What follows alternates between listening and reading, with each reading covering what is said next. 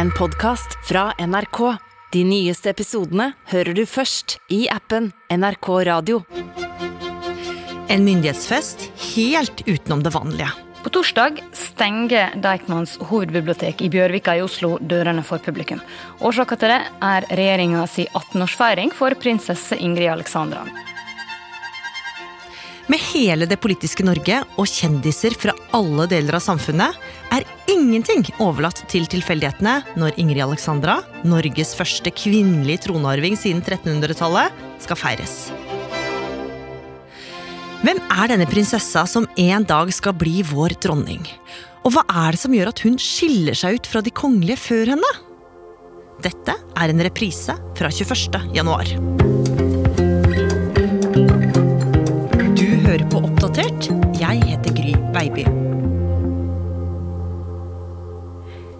Ja, dette er jo en merkedag i kongeriket når tronarvingen blir eh, myndig, og rammene for eh, hennes livsgjerning, det hun er født til, eh, blir satt. Kristi Marie Skrede har ansvaret for å dekke kongehuset her i NRK. Og i dag er det altså selve 18-årsdagen til prinsesse Ingrid Alexandra, og det er mye som skjer. I dag skal det offisielle Norge komme til Slottet og gratulere prinsessa med dagen. Det skal saluteres fra festninger i hele landet, og prinsessa skal feires av sine nærmeste. Og så har det jo skjedd mye i, i dagene fram mot denne dagen. Hun har fått eget kontor på Slottet. Eh, to rom med liksom representasjonsavdeling og det hele. Og så har hun fått det som heter adjutant, som er en slags sekretær utnevnt av, i, av kongen i statsråd. Og så har hun vært på eksklusiv omvisning på Stortinget, i Høyesterett og hos statsministeren eh, for å lære om maktfordelinga i Norge, eh, som hun som eh, kongelig framover må forholde seg veldig tett til. Ja, så en 18-årsdag helt utenom det vanlige. Ja, det kan vi trygt si. Men hele livet til Ingrid Alexandra har jo i grunn vært annerledes. Og det hele starta 13 minutter over ni en januarmorgen i 2004. Som dere kanskje vet, så har kronprinsessen og jeg fått en liten datter, en prinsesse. Det var en utrolig flott og sterk opplevelse. Mette-Marit, kronprinsessen, hun tok fram kraften sin, morskraften. Og det var, var, veldig flott å være med på. Ja, kronprinsen var jo bare synlig stolt og rørt når han møtte pressa noen timer etter fødselen. Prinsessen veier eh, 3686 gram. Og er det vakreste og fineste pikebarnet i hele verden. Og da venta jo alle journalister og fotografer på at de skulle få dette bildet av mor og barn og far stolte på sykehustrappa. Det var liksom det alle venta på. Det vi tenkte at det blir første bilde i Dagsrevyen den kvelden. Kronprinsessen og, og barna har det fint. Men mens kronprinsen sto på denne pressekonferansen, så sier han nå er mor og barn på vei hjem til Skaugum, og jeg gleder meg til å kjøre hjem igjen og, og være i lag med dem hjemme. Det var det første signalet på at kronprinsparet kom til å gjøre dette på en helt annen måte. Vi er veldig glad og lykkelige. Jeg tenker at det var starten på moderniseringa av monarkiet. I 2004 et barn skulle vokse opp som tronarving, og det skulle få en helt annen oppvekst enn alle de andre før henne. Ja, for faren hennes, kronprins Haakon, visste jo allerede da at denne lille 51 cm lange babyen hadde en vanskelig oppgave foran seg. For Håkon hadde jo hatt en mer typisk kongelig oppdragelse. Kronprins Haakon vokste opp som tronarving på 70- og 80-tallet. Eh, bodde på herregarden Skaugum med barnepike, med eh, i, offisielle rom. De hadde middag som kom fra storkjøkkenet. Eh, Trerettersmiddag hver dag. Det var litt andre, mer høytidelige rammer rundt det, sånn som han sjøl har skildra det i bøker seinere. Ja. For han har jo blant annet fortalt at han sleit med å finne sin plass og hadde en slags identitetskrise som ung. Og dette her snakka han jo om i en tale han holdt som fersk 18-åring. Målet er så høyt og forpliktelsene så store at det til tider overmanner meg. Greier jeg å leve opp til et slikt løfte og til de forventninger som stilles fra mange hold? Jeg føler meg liten i forhold til den store oppgaven som er pålagt meg. Han sleit veldig med å finne seg sjøl i den kongelige rolla, og han grubla veldig på det å gå inn i et liv med så fastlagte rammer. Han sa allerede da, som 25-åring, så snakka han om sine framtidige barn. At det var vanskelig for han å se for seg at han skulle sette barn til verden som der rammene for livet deres var lagt i Grunnlova. Så han grubla veldig på, på dette her, og det ligger nok til grunn det, når han tok så veldig bevisste valg den dagen han faktisk blei far. Etter vår Herre Jesu Kristi ord og befaling døper jeg deg til Faderens og Sønnens og Den hellige ånds navn. Så allerede fra dagen prinsesse Ingrid Alexandra ble født, ble det ganske tydelig at foreldrene, kronprinsparet, ville prøve å gi henne en så normal oppvekst som mulig. Ja, og det så vi ved at hun var skjerma for offentligheten i det aller, aller, aller meste av tida. De leide fotografer de sjøle var trygge på, for å dokumentere eh, oppveksten i de første fire-fem åra. Eh, at hun fikk lære å gå på ski, og, og, at hun var i fjøsen på Skaugum. Det fikk vi bilde av, men det var tatt av fotografer som familien var trygge på. Men hverdager flest var skjerma. Hun gikk i barnehage i Asker og var et vanlig barn. Mm. Men selv om barndommen så langt var ganske skjerma, og på en del måter ikke så annerledes enn andres barn, så begynte jo foreldrene så smått å forberede henne på dette spesielle kallet. Og så kom dagen. Fem år gammel debuterte hun offentlig som kongelig for første gang. Det var ei veldig sjenert eh, prinsesse som kom ut på Slottsplassen i lag med mora i juni 2009. Hun var fem år, og det var verdens miljødag, og hun skulle levere elavfall fra Slottet til miljøagentene, som da hadde en sånn stor innsamlingsaksjon. Oi, flott! Å, så flink du er! Det var tjukt av folk på Slottsplassen, og stor ståhei og masse presse. Eh, og da kikka hun litt eh, nervøst rundt seg, og når hun var ferdig, så sprang hun inn så fort hun kunne.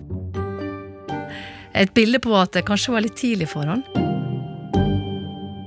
Men det skulle jo ikke ta lang tid før hun også fikk verdens øyne retta mot seg. Ja, iallfall Europas øyne, for eh, i Stockholm i 2010 så skulle prinsesse Ingrid Alexandra debutere på den store internasjonale rojale scenen. Hun skulle være brudepike i bryllupet til kronprinsesse Victoria og Daniel Westling. Hun gikk inn hand i hand med prinsesse Katarina Amalia fra Nederland, som i dag er kronprinsesse der, og tronarvingen fra Danmark gikk rett bak. Eh, og de gikk der inn eh, hvitkledde og med blomster og veldig alvorlige og prega av høgtider.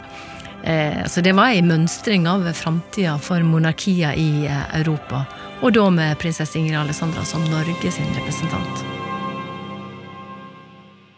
Og bare måneder etter eh, den første kongelige debuten, så var det klart for å ta fatt på en annen viktig milepæl.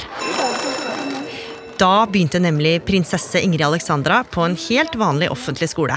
Hennes kongelige høyre prinsesse Ingrid Alexandra ja, prinsessa uh, begynte på Jansløkka skole, uh, rett over veien for, uh, for Skaugum. og gikk der i de første fire åra. Var klar for skolen og veldig skoleflink fra første stund, blir det sagt. Men så valgte foreldra å flytte prinsessa til Oslo internasjonale skole, som er en privatskole med engelsk som arbeidsspråk. Og da ble det spetakkel ved å velge en skole med, som vi hørte her, et internasjonalt perspektiv, ja, så er jeg redd for at de har fratatt eh, den kommende dronninga eh, den muligheten som skolehverdagen kunne gitt henne i en mye mer norskretta skole. Det å velge aktivt bort den delen, som er med på å skape et likere Norge enn hva det ellers er, det er problematisk. Men kronprinsparet de sto i det. Det har vært eh, en avveining som vi ikke har tatt lett på, men som har vært, eh, eh, ja, som har vært komplisert og litt vanskelig for oss. Og prinsesse Ingrid Alexandra fortsatte på den internasjonale skolen. Men etter skolen var det ikke bare lekser den lille prinsessa måtte forholde seg til. Nå begynte hun så smått å få litt oppgaver som skulle forberede henne på framtida. Og da Ingrid Alexandra var ni år, ble fotografene med på slep da kongen og kronprinsen viste henne de offisielle rommene på Slottet. Hvem er det? Det er kong Haakon. Og der ser du oldefaren din. Pappaen til bestefar. Så dette er statsrådssalen. Regjeringen har da plasser rundt dette bordet. Og... Prinsessa må være med på en del ting. Må være med 17. mai og vinke både på trappa på Skaugum og på slottsbalkongen. Må være med og representere i en del familiesammenhenger. Eh, oppgavene ligger der hele tida. Og sjøl sier de at dronningsskolen fins ikke. Men oppgavene fins der hele tida, og det å lære om hva det innebærer, det har kommet gradvis, og ifra de næreste. Så selv om de ikke har satt seg ned og sagt 'hør her, nå skal du lære om hvordan det er å være dronning', så eh, ligger rolla der og vurderingene der eh, hele tida.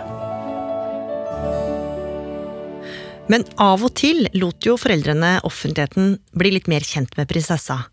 Det er veldig mange av dere seere som har lyst til å vite ting. Det første spørsmålet er fra Mille. Hei, jeg lurte på om det er gøy å være kongelig? Um, ja, noen ganger så er det veldig gøy, noen ganger så er det ganske kjedelig. Ja. Å, For eksempel, det jeg syns er veldig kjedelig, det er å måtte ta bilder. Det, det er når man sitter og sitter og sitter og sitter og ikke får tatt det perfekte bildet. Uh, Justering, justering. Og så klarer ikke Magnus, lillebroren min, han klarer ikke å sitte stille. Og som elleveåring skulle hun få et mer voksent rojalt oppdrag, Kristi Marie. Hun skulle døype redningsskøyta Elias. Og denne elleveåringen skulle da ut uh, i lag med bestefar. Han skulle være med og være støtte, men det var hun som skulle gjøre hele jobben. Og de kongelige har sånne gule talekort med seg når de skal ut på jobb. Der står alt de skal si. Og det hadde hun med. Hun hadde en marineblå kåpe og var kledd som eh, en liten voksen. Og reiste ut i A3, limousinen eh, til kongen, bestefaren, ned til Honnørbrygga, der hun eh, døypte denne båten, da. Det var et stort oppdrag for ei elleve år gammel jente med et voksent ansvar. Men da Ingrid Alexandra begynte å nærme seg ungdomstida, tok foreldrene hennes et valg. For her hadde jo kongefamilien gjort seg noen eh, dyrekjøpte erfaringer. Ungdomstida for både prinsesse Märtha Louise og eh, kronprins Haakon, eller den gang prins Haakon Magnus, eh, var krevende. De opplevde seg veldig forfulgt av pressa, eh, og måtte på et tidspunkt gå ut og si la oss være i fred, vi vil gjerne være ungdommer på, eh, uten å bli, bli overvåka og fulgt etter hele tida. Så kronprinsparet bestemte at ungdomstida skulle prinsessa, og også brødrene, eh, få ha mest mulig i fred. De bestemte at å være med ut på offisielt, som de sier når de skal ut på offisielt oppdrag, det skulle de gjøre i minst mulig grad. Og så tenkte, har vi snakka egentlig ganske mye om det, og vært egentlig veldig bevisst på at de skal få ha den der ungdomsperioden eh, litt fri. Sånn, for der, der, skjer det så utrolig mye, og der skjer det mye mer i forhold til venner som begynner å lure på hvem de er. Sant? Altså alt det, Den der litt sånn skjøre fasen der har vi vel egentlig bare sagt Ungdoms, ungdomstiden er jo litt sånn emosjonell berg-og-dal-bane. Mm. Så det var jo lite offentligheten så til Ingrid Alexandra, og man visste jo ikke så mye om henne. Men en sommerdag for tre år siden sto en konfirmant i Slottskapellet i Oslo, der både kronprins Haakon og Märtha Louise var blitt konfirmert før henne. Og hvordan var denne dagen? Det var en dag de brukte til å vise henne fram for første gang. På en måte det første portrettet av prinsesse Ingrid Alexandra ble tegna på konfirmasjonsdagen. Kjære, kjære Ingrid. Vi er så stolte av deg, bestefar og jeg. Og så begynte Ingrid Alexandra på videregående skole i Oslo, på Elvebakken. Og dette kunne vi lese om i en liten notis i avisa, for kronprinsparet ville ikke at det skulle være noe oppmerksomhet rundt det. Så årene gikk, men nå, rett før 18-årsdagen, begynte det å skje ting. For nå nærma det seg dagen prinsessa ble myndig, og med det flere plikter og offisielle oppdrag. I den anledning ble NRK invitert inn på Slottet. Og i et stort, lyst rom med vindu fra gulv til tak satt prinsessen med langt, brunt hår, mørke klær, omringa av lyskastere og kameraer, klar for sitt første intervju aleine. Hvordan er det å bli 18 år? Um, nei, det føles jo ikke så veldig annerledes. Det er kanskje litt mer ansvar, um, men så betyr det jo også veldig mye mer frihet. Så det gleder jeg meg veldig til. Men ansvar, eh, hva slags type ansvar blir det da? Nei, det er vel mer forventninger til hvordan man skal oppføre seg, og at man tar bedre valg da, kanskje, når man blir 18 enn når man var yngre. Jeg gleder meg til litt med den der friheten å kanskje kunne reise alene og kjøre bil og de tingene der. Det gleder jeg meg veldig mye til. Reise alene. Eh, hvor vil prinsessen reise? Åh, oh, overalt. Har prinsessen noen gang vurdert å si nei til dronningrollen? Um, jeg tenker jo at det er en veldig fin mulighet, og jeg er veldig takknemlig for den uh, muligheten som vi har. Uh, men selvfølgelig så lurer man jo uh, på Man kan drømme seg bort og tenke hva et annet liv hadde vært, men det er jo litt vanskelig å se for meg, for jeg vet jo ikke hvordan det hadde vært uten det. Men jeg er jo fortsatt ung, og det er jo lenge til jeg skal bli dronning. Så det ligger jo litt i kortene at jeg eh, har tenkt til å gjøre det. Du er fortsatt ung, men sånn som ting er nå, eh, når den tid kommer, mm. vil eh, prinsessen da ta på seg dronningrollen? Ja, det er jo det som er planen inntil videre.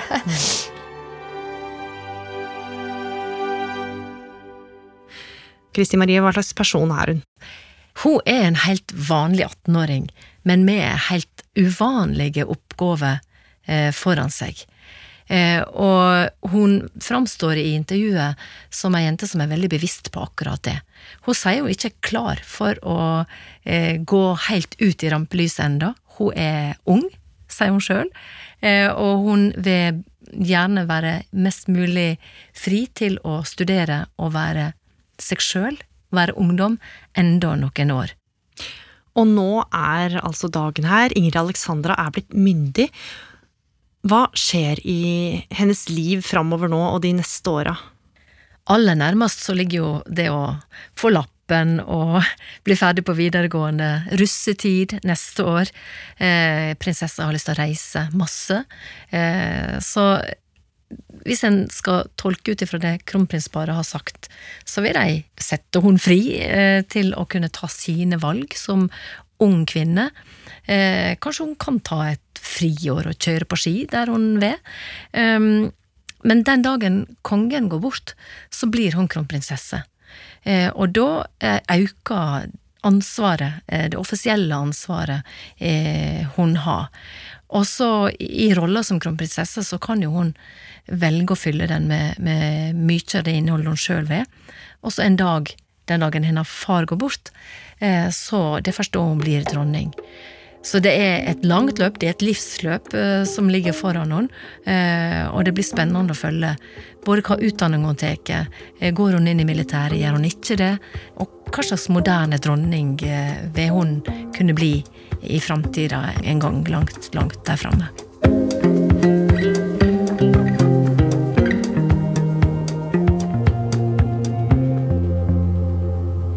Oppdatert er en podkast fra NRK Nyheter. Og denne episoden er laga av Irina Kjelle, Ina Swan, Pål Gauslo Sivertsen og meg, Gry Veiby. Programredaktør er Knut Magnus Berge. Og lyden du har hørt, er fra Det kongelige slott og NRKs arkiver. Du har hørt en podkast fra NRK. De nyeste episodene hører du først i appen NRK Radio.